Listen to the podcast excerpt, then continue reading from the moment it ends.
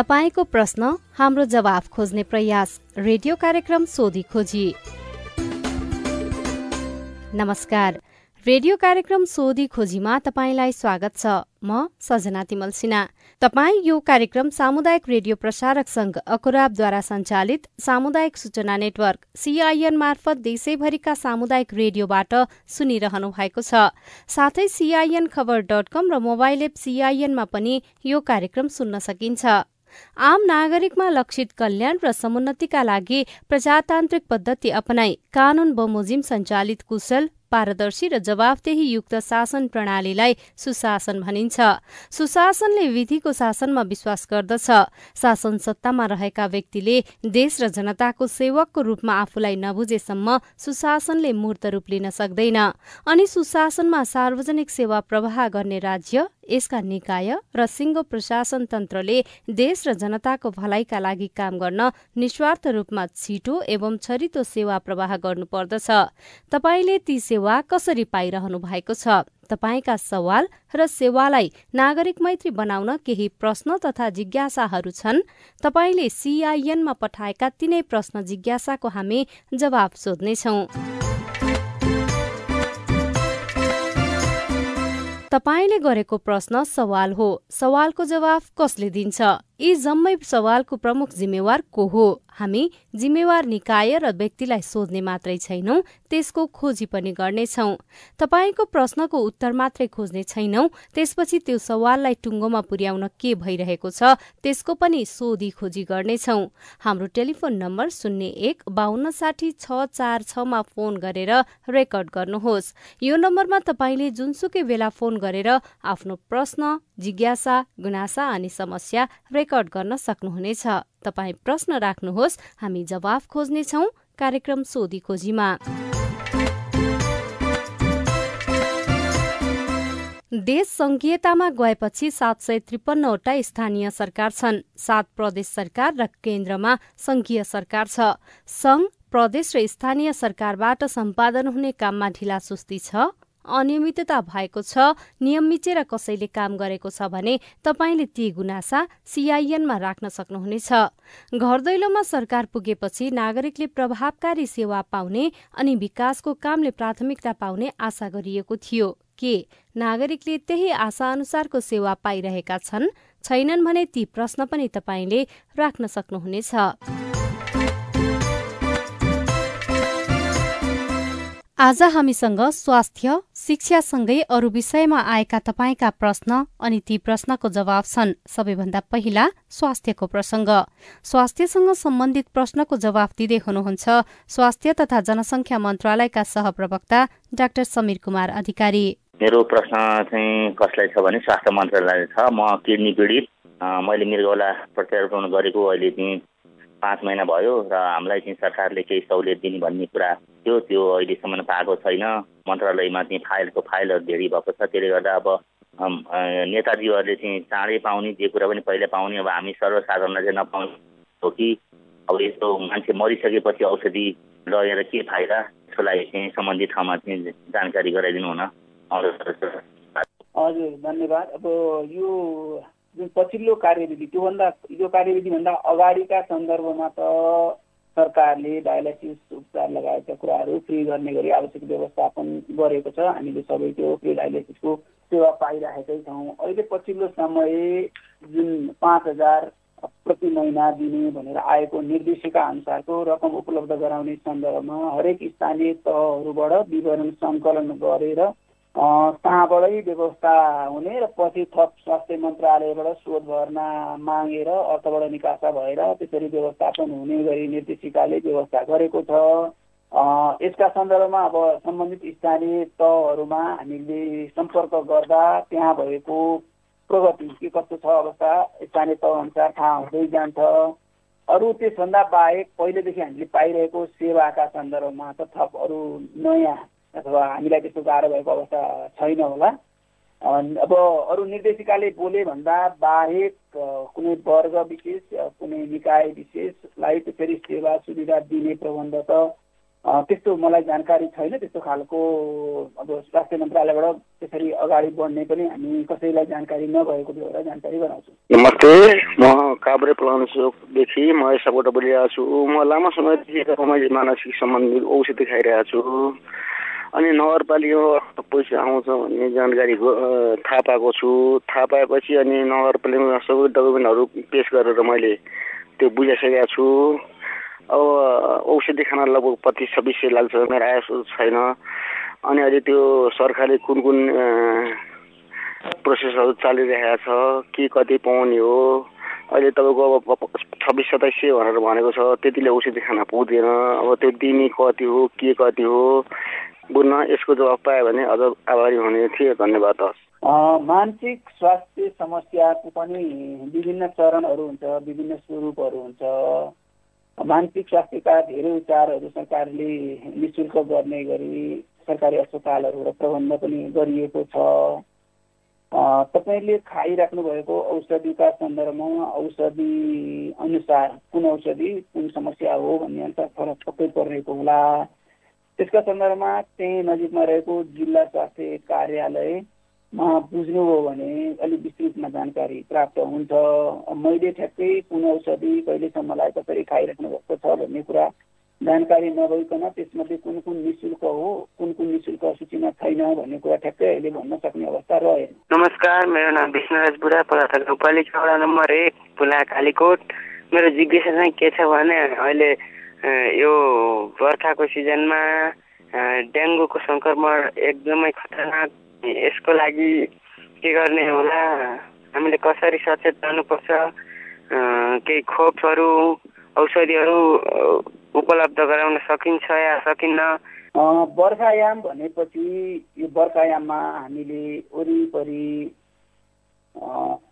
धेरै हरियो पलाएको अथवा रुख बिरुवाहरू पलाएको देख्छौँ। त्यो सँगसँगै अरू हामीले आँखाले देख्ने आँखाले नदेख्ने जीवहरू पनि बिस्तारै वृद्धि विकास हुने अवसर पनि हामीले कसैले त्यसलाई हामीले नजिकबाट अवलोकन गरेका हुन्छौँ कसैले नगरेका पनि हुन्छौँ। अर्को हामीले प्रयोग गरिराख्ने पानीका स्रोतहरूमा चाहिँ ती भनौँ ब्याक्टेरिया भाइरस जुन ग्रोथ भइरहेको जुन विकास हुन्छ यो समयमा त्यसले गर्दाखेरि हाम्रा स्रोतहरू हाम्रा खाद्यान्नका स्रोत पानीका स्रोतहरू प्रदूषित हुने हामी बिरामी हुने क्रम चाहिँ अलिकति बढेर जान्छ अलिकति अनुकूल वातावरण चाहिँ यो बेलामा हुन्छ। त्यसमाथि पनि डुबान भयो भने त्यसमाथि बाढी पहिरो गयो भने घरभित्र पानीहरू पस्यो भने वासस्थान अलिकति त्यस्तो अवस्था भयो भने झनै बढी सम्भावना बढेर जान्छ। अब विशेष त अहिले हामीले डेङ्गुको कुरा गर्नुपर्दा डेङ्गु चाहिँ यही पानी सफा पानी जहाँ रहन्छ अलिक समय ठिग्रिएर रहन्छ। बर्खाको उत्तरार्धतिर भनौँ अहिले हामी बर्खाको उत्तरार्धतिर आउँदैछौँ। यस्तो बेलामा चाहिँ पानी जहाँ पनि थोरै मात्रामा सङ्लो पानी रहन सक्ने अवस्थाहरू भयो भने चाहिँ त्यहाँ त्यो डेङ्गी गराउने लामखुट्टेको वृद्धि विकास हुन्छ।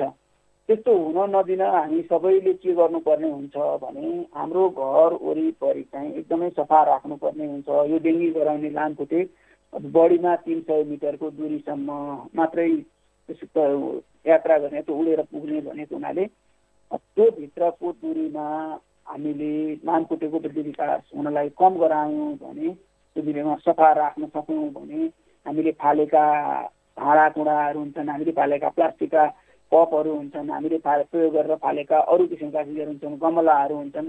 त्यस्तो कुरा अथवा घरैभित्र पनि हामीले पानी सङ्कलन गरेर राख्दा खुला राख्ने गऱ्यौँ पानी हामीले आकाशको पानी पनि सङ्कलन गरेर राखेका हुन्छौँ।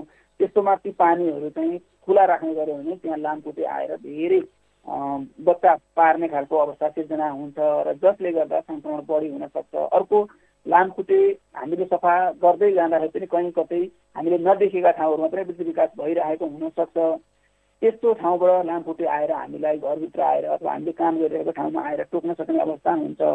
त्यस्तोमा घरभित्र लामखुट्टे आउन नदिने उपायहरू हामीले गर्नुपर्ने हुन्छ। आइहाल्यो भने पनि त्यसले नटोकोस् भन्ने हिसाबले हामीले धुप प्रयोग गर्ने घरमा जाली प्रयोग गर्ने झुलको प्रयोग गर्ने पुरा बाउला भएको लुगाहरू लगाउने यावत विधिहरू हामीले अप्नाउन सक्छौँ जसले गर्दा सङ्क्रमण लामखुट्टेले एडी जातको लामखुट्टे जसले चाहिँ दिउँसो नै बढी सक्रिय रहन्छ। विशेष त साँझ र बिहानको दुई तिन घन्टा चाहिँ बढी सक्रिय रहने भएको हुनाले त्यो समयमा यो मानिसहरूलाई न डराइकन टोक्ने खालको लामखुट्टे हो। त्यस्तोमा हामी अलिकति सजग भयो भने लामखुट्टे सङ्क्रमित छ भने त्यसले अर्को मानिसलाई सङ्क्रमण चार्नबाट हामी बचाउन सक्छौँ बच्न सक्छौँ। हामीले विशेष रूपमा ख्याल गर्नुपर्ने यो पाटो हुन्छ भने कसैलाई अब अहिलेको समयमा डेङ्गीसँग मिल्दो जुल्दो किसिमका लक्षणहरू देखिएको छ देखिन्छ भने उहाँहरूलाई चाँडै पहिचान गरेर स्वास्थ्य कर्मीको सल्लाह अनुसार उपचार व्यवस्थापन गऱ्यौँ र घरका अरू मानिसहरूलाई जोगाउन सक्ने अवस्था सिर्जना गर्न सक्यौँ भने डेङ्गुको सङ्क्रमणबाट हामी सबै बच्न सक्छौँ जोखिमबाट कम सहज हुने अवस्था बनाउन सक्छौँ। उहाँले खोपको पनि कुरा उठाउनु भएको छ। डेङ्गीको खोप त्यस्तो छैन। अहिलेसम्म डेङ्गी सङ्क्रमण रोकथामका लागि खोप लगाउने भन्ने खालको त्यस्तो अहिलेसम्म आशा भएको छैन। त्यसरी प्रयोग गरिएको छैन। डेङ्गीको सङ्क्रमण हुन नदिने नै सबैभन्दा बढी प्रभावकारी एक मात्र उपाय हो। डेङ्गी भइहाल्यो भने अब लाक्षणिक चिकित्सा गर्ने झोलिलो पदार्थहरू खाने चिकित्सकले दिएको सल्लाह अनुसार अरू थप गर्ने कामहरू हुन्छन्। ज्वरो घटाउने उपायहरू गर्ने कुराहरू नभए अरू चाहिँ यसको लागि खोप र यसको लागि डेङ्गीकै भाइरस मार्ने भन्ने खालको त्यस्तो खालको औषधि अथवा खोप चाहिँ छैन। नमस्ते मेरो नाम सरिता भुरी कोरोना भाइरसको लागि चाहिँ के के हुन्छ? रुगा खोकी लागेर सबभन्दा गाह्रो बोल्नुहुन्छ होला। जस्तो लाग्छ खोज्न लागेको। मान्छेहरूको छेउछाउमा जान हुन्छ कि हुँदैन भन्ने हो मेरो। कोभिड उन्नाइस सङ्क्रमण अब निको भइसकेपछि हामीले अब निको भइसकेपछि एक व्यक्तिले अर्को व्यक्तिलाई सर्ने भन्ने त हुँदैन। दुई हप्तापछि लक्षणहरू नहराएको तिन तिन दिनपछि भनौँ न विशेष रूपमा सर्द कुरा गर्दा दुई हप्तापछि धेरै कुनै लक्षण छैन भने त त्यसरी सङ्क्रमण सरिहाल्ने अवस्था रहन। तर अब अहिले पछिल्लो समय हेऱ्यौँ भने कोभिडको लक्षणविहीन लक्षण नभइकन हामीले एकअर्कालाई सङ्क्रमण सार्न सक्ने अवस्थाहरू देखिएको हुनाले लक्षण भए पनि नभए पनि हामीले चाहिँ सङ्क्रमण हुनसक्छ। मैले अर्कोलाई सार्न सक्छु मलाई अरूले सार्न सक्नुहुन्छ भन्ने कुरा चाहिँ अलिकति अझै पनि ख्याल गर्नुपर्छ। अब धेरैले खोप लगाउनु भएको हुनाले पूर्ण मात्रा पनि खोप लगाइसकेको हुनालाई त्यति गाह्रो अवस्था त नहोला। तर कसै कसैमा रोग प्रतिरोधक क्षमता कम हुन्छ। कसैलाई खोप लगाए पनि रोग प्रतिरोधक क्षमता चाहिँ रास हुँदै हुँदै गएको अवस्था सिर्जना भइसकेको पनि हुन सक्ने अवस्था हुनसक्छ जसले समयमा बुस्टर मात्रा लगाउनु भएको छैन। त्यस्तो अवस्थामा चाहिँ त्यस्तो व्यक्तिहरूलाई अलिकति गाह्रो अवस्था नहोस् भन्नका लागि हामी लक्षण भएका नभएका सबैले ख्याल चाहिँ गर्नुपर्ने हुन्छ। जनस्वास्थ्यका मापदण्डहरूको विशेष सावधानी लिनुपर्ने हुन्छ। हजुर पाथिभरा यङ्गल दुई ताप्लेजुङबाट युवराज गुरुङ बोल्दैछु। मैले कोरोना भाइरस विरुद्धको सुई दुईचोटि लगाएको छु योभन्दा पहिला। अब फेरि लाउनुको लागि चाहिँ अब जरुरी छ कि छैन? अथवा डोज पुगेको ठहर छ या ठहर्दैन? दुईचोटि भन्दा बढी पनि लाउनु पर्छ कि पर्दैन? अलिकति उचित रिप्लाईको प्रतीक्षामा छु। कोभिड उन्नाइस जुनबाट बच्न त्यसको जटिलताबाट बच्नका लागि हामीले जुन खोप प्रयोग गरिरहेका छौँ त्यो खोप हामीले लगाउनु पर्ने मात्रा अहिलेसम्मको अध्ययन अनुभव सिफारिस सबै आधारमा दुई मात्रा हो। दुई मात्राभन्दा एक अतिरिक्त मात्रा बुस्टर डोजका रूपमा लगाउँदाखेरि त्यस्तो मात्रा लगाउँदाखेरि हाम्रो शरीरमा भएको रोग प्रतिरोधक क्षमता अझ बलियो भएर जाने अध्ययनहरूले देखाएका छन् त्यही भएर हामीले अहिलेका लागि तिन मात्रा लगाउनु पर्ने हुन्छ। जसले जोन्सन एन्ड जोन्सनको खोप लगाउनु भएको छ उहाँहरूले बुस्टर मात्रा सहित जम्मा दुई मात्रा लगाए पुग्छ हालसम्मका लागि। हामीले दुई मात्रा लगाएका छौँ दोस्रो मात्रा लगाएको तिन महिना कटिसकेको छ भने एक अर्को मात्रा तेस्रो मात्रा हामीले लगाउनु पर्ने हुन्छ। उहाँ हुनुहुन्थ्यो स्वास्थ्य तथा जनसङ्ख्या मन्त्रालयका सहप्रवक्ता डाक्टर समीर कुमार अधिकारी। स्वास्थ्यसँग सम्बन्धित विविध प्रश्नको जवाफ दिँदै। तपाईँ अहिले कार्यक्रम सोधी खोजी सुनिरहनु भएको छ। यो कार्यक्रम सामुदायिक रेडियो प्रसारक संघ अखोराबद्वारा सञ्चालित सामुदायिक सूचना नेटवर्क सीआईएन मार्फत देशैभरिका सामुदायिक रेडियोसँगै सीआईएन खबर डट कम र मोबाइल एप सीआईएनमा पनि सुन्न सकिन्छ। कार्यक्रममा हामी तपाईँको प्रश्न लिन्छौं अनि ती प्रश्नको जवाफ सम्बन्धित निकायलाई सोध्छौं। तपाईँ पनि कार्यक्रममा सहभागी हुन सक्नुहुनेछ। त्यसको लागि तपाईँले शून्य एक बान्न साठी छ चार छमा फोन गरेर प्रश्न रेकर्ड गर्न सक्नुहुनेछ। यो नम्बरमा तपाईँले जुनसुकै बेला फोन गरेर आफ्नो प्रश्न जिज्ञासा गुनासा अनि समस्या रेकर्ड गर्न सक्नुहुनेछ।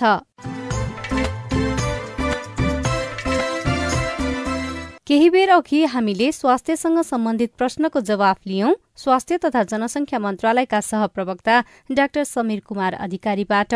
अब शिक्षाको कुरा। कक्षा बाह्रको परीक्षाफलको विषयमा आएका प्रश्नहरूको जवाफ दिँदै हुनुहुन्छ राष्ट्रिय परीक्षा बोर्ड अन्तर्गत कक्षा बाह्रको परीक्षा उपनियन्त्रक कृष्ण घिमिरे। नमस्कार मेरो नाम अशोक कोर। म सुदूरपश्चिम प्रदेशको महेन्द्रनगरबाट बोलिरहेको छु। बाह्र क्लासको परीक्षामा मेरो एकजना बहिनी भावना पोर हुनुहुन्थ्यो। उहाँले इक्जाम दिनुभएको थियो र अहिले रिजल्टमा आउँदाखेरि तपाईँको म्यानेजमेन्टको विद्यार्थी अलि दुईवटा विषयहरूको भएर आएको छ। त्यो तपाईँको म्यानेजमेन्टको विद्यार्थीका विषयहरूमा साइन्सको विषयहरू भएर यसलाई कसरी समाधान गर्न सकिन्छ? हामीले राष्ट्रिय परीक्षा बोर्डमा राष्ट्रिय परीक्षा बोर्ड धनगढीमा पनि सम्पर्क त्यहाँ तपाईँको स्कुलले प्र्याक्टिकलको नम्बर पनि नपठाएको रहेछ। प्र्याक्टिकलको नम्बर पनि हामीले त्यहाँ लगेर गयौँ। अनि रजिस्ट्रेसन कार्ड पनि खोज्नुभयो। रजिस्ट्रेसन कार्ड चाहिँ त्यो बहिनीले हराइसकेको अवस्था रहेछ। अब के हुन्छ? अब तपाईँको असोज तिस र एकतिस गति हुने चान्स परीक्षाको लागि उहाँहरूले फर्म कुन आधारमा भर्ने कतिवटा विषय लागेको छ भनेर अब थाहा भएको छैन। आजसम्म राष्ट्रिय परीक्षा बोर्डले यस विषयमा कुनै बुझा पनि छैन। त्यस्तो विद्यार्थीको हकमा कसरी कुन विषय लागेको छ कतिवटा विषय लागेको छ कसरी त्यो फर्म इक्जाम फर्म भर्ने सात गते असो सात गतेसम्म मात्र फर्म म्याच छ भन्ने कुरा मैले सुनेको छु। यसबारेमा त्यो प्रश्न पारिदिनु हुन म राष्ट्रिय परीक्षा बोर्डका प्रमुखलाई हार्दिक अनुरोध गर्दछु। उहाँको प्रश्न मैले बुझ्दा के देखेँ भने पहिला मैले परीक्षा म्यानेजमेन्ट विषयमा दिएको नतिजा साइन्स विषयमा आएको विषयहरू देखियो तर नतिजा नदेखिएको। एउटा दोस्रो म्यानेजमेन्टका विषयहरूको प्र्याक्टिकल पठा नपठाएको भन्नुभएको। छ हाम्रो सिस्टमले रजिस्ट्रेसन गर्ने क्रममा विद्यार्थीले कुन विषय परीक्षा दिने भन्ने कुरो पहिल्यै लेख्नुपर्ने हुन्छ। सायद उहाँले पहिला साइन्स विषयको फारम भरेको र पछि अन्तरालमा पढ्दै जाँदाखेरि त्यो साइन्स विषय चेन्ज गरेर म्यानेजमेन्ट विषय पढ्नुभएको देखिन्छ यो सिस्टमले। उहाँले त्यो सँगसँगै रेसन पनि हरायो भन्नुहुन्छ। रेसन कार्डमा के थियो त्यो हामीले हेर्नुपर्ने हुन्छ। त्यसो हुँदा सिस्टमले त्यो कुरो पत्ता लगाउन सक्दैन र उहाँको रिजल्ट मार्क्स अथवा ग्रेड नदेखिए पनि त्यही विषय देखिन सक्छ। एउटा कुरो उहाँलाई त्यसरी बुझाउन चाहन्छु। अर्को अब चार विषयमा नै अब साइन्सका चार विषयमा मार्क्स नदेखिए पनि रिजल्ट आयो भन्नुभएको छ। त्यो के हुन्छ भने हाम्रो सिस्टमले थ्योरी र प्र्याक्टिकल दुइटैको मार्क्स जबसम्म आउँदैन तबसम्म रिजल्ट दिने चलन हुँदैन दिनु मिल्दैन। अहिले सिस्टमले त्यो कार्यविधिले त्यही भन्छ। उहाँले अब मौका परीक्षाको लागि तिस एक छत्तिस परीक्षालाई कसरी तयारी गर्ने भन्नुभएको छ। पहिलो कुरा त प्र्याक्टिकल मार्क्स स्कुलले पठाएको हो कि होइन? कुन विषयमा पठाएको? यदि प्र्याक्टिकल मार्क्स पठाएको छैन भने उहाँले मौका परीक्षा सहयोग हुन पाउनुहुन्न किनभने थ्योरीमा नम्बर आउनलाई प्र्याक्टिकल अहिले अनिवार्य नै छ। किन यो इन्टर्न भनेको निरन्तर रूपमा विद्यालयले परीक्षा लिएर विद्यालयले पठाउने मार्क्स हो त्यही त्यही मार्क्स पनि आउँदैन भने पछाडि बाह्य परीक्षाको मार्क्स दिने भन्ने कुरो हुँदैन। त्यो हामीले त्यही उहाँले दिएको परीक्षाको मार्क्स पनि रोक्नुपर्ने हुन्छ त्यो रोकिएको अवस्था हो। अब अर्को उहाँले अब चारवटै विषयमा थ्योरी र प्र्याक्टि प्र्याक्टिकल मार्क्स त्यहाँबाट धनगढी कार्यमा सिफारिस गरेर आउँछ भने हामीले उहाँका थ्योरीका जुन चार विषय उहाँले चार दिनुभएको छ ती विषयका मार्क्स हामीले निकाल्न सक्छौँ खोजिदिन्छौँ त्यो त हामी टाइमली गर्न सक्छौँ। उहाँले जुन सात बजीसम्म फर्म बन्ने भन्नुहुन्छ फार्म बन्नेमा सात बजीसम्म सिङ्गल दस्तुर चौध गतिसम्म डबल दस्तुर र फार्म बुझाउने चाहिँ पच्चिस गतिसम्म हो। त्यो विद्यालयमा आउने हो। पहिला उहाँले हामीलाई मार्क्स पठाइदिनु पऱ्यो स्कुल स्कुलले पठाएको मार्क्स हाम्रो धन निकाल्ने आउनु पऱ्यो पार्टिकुलर मार्क्स त्यो मार्क्स हामी कहाँ आइपुग्नु पऱ्यो र सँगसँगै निवेदन पनि हामी कहाँ आइपुग्यो भने हामी भर्षक सात गतिभित्रै उहाँले चाहे अनुसारको के नतिजा आएको छ निकाल्नु दिन सक्छौँ।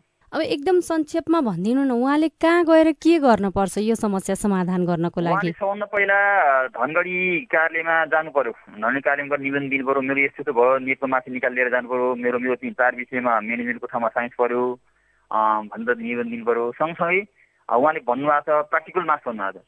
अब ती चारवटा विषय प्र्याक्टिकल जुन छ नि त्यो थ्योरीकै त हामीसँग हुन्छ। प्र्याक्टिकल मार्क्स हामीसँग हुँदैन। त्यो मार्क्स विद्यालयमा हुन्छ। यदि उहाँले विद्यालयमा म्यानेजमेन्टका चारवटा विषयको जाँच दिएको हो भने त्यसको प्र्याक्टिकल मार्क्स हामीलाई चाहिन्छ। त्यो मार्क्स सँगसँगै लिएर आएर स्कुल मार्क्स लिएर आएर विद्यालय हाम्रो चाहिँ धनगढी कार्यालयमा बुझाउनु भयो भने धनगढी कार्यालयमा फरवर्ड गर्छ। यहाँ सिधै आएर पनि त्यो काम हुँदैन किनभने उहाँले यहाँ आएर त थ्योरीको मात्रै मार्क्स पाउने हो। थ्योरी मार्क्स दिनलाई प्र्याक्टिकल बिना अहिले थ्योरी मार्क्स दिनु मिल्दैन। पहिला थ्योरी मार्क्स हाल हाल्नु पहिला प्र्याक्टिकल मार्क्स हामीलाई चाहिन्छ। त्यसले पहिला काम भनेको स्कुलबाट मार्क्स लिएर आउनु पऱ्यो प्र्याक्टिकल मार्क्स हो कि होइन? जाँच दिएको हो कि होइन? त्यो सहभागी इन्टरनल एक्जाममा सहभागी भएको होइन त्यो विद्यालयले भन्छ। यदि विद्यालयले यो सहभागी भएको छैन मार्क्स छैन भने उहाँले अब थ्योरीको जाँच दिएको त्यसको अर्थ छैन त्यो क्यान्सल हुन्छ। नमस्कार म जीवन लामगाले बागलुङको गलकोटबाट। कक्षा बाह्रको नतिजामा एनजी आएको विषयलाई पुनर्योग गराउँदा परिणाम निस्कन बिसदेखि एक महिना लाग्ने एनइबी राष्ट्रिय परीक्षा बोर्डले जनाएको छ। जबकि ग्रेड वृद्धिको परीक्षा नै एक महिनामा हुँदैछ। अब पुनर्योग गराउनुको के फाइदा हुने होला?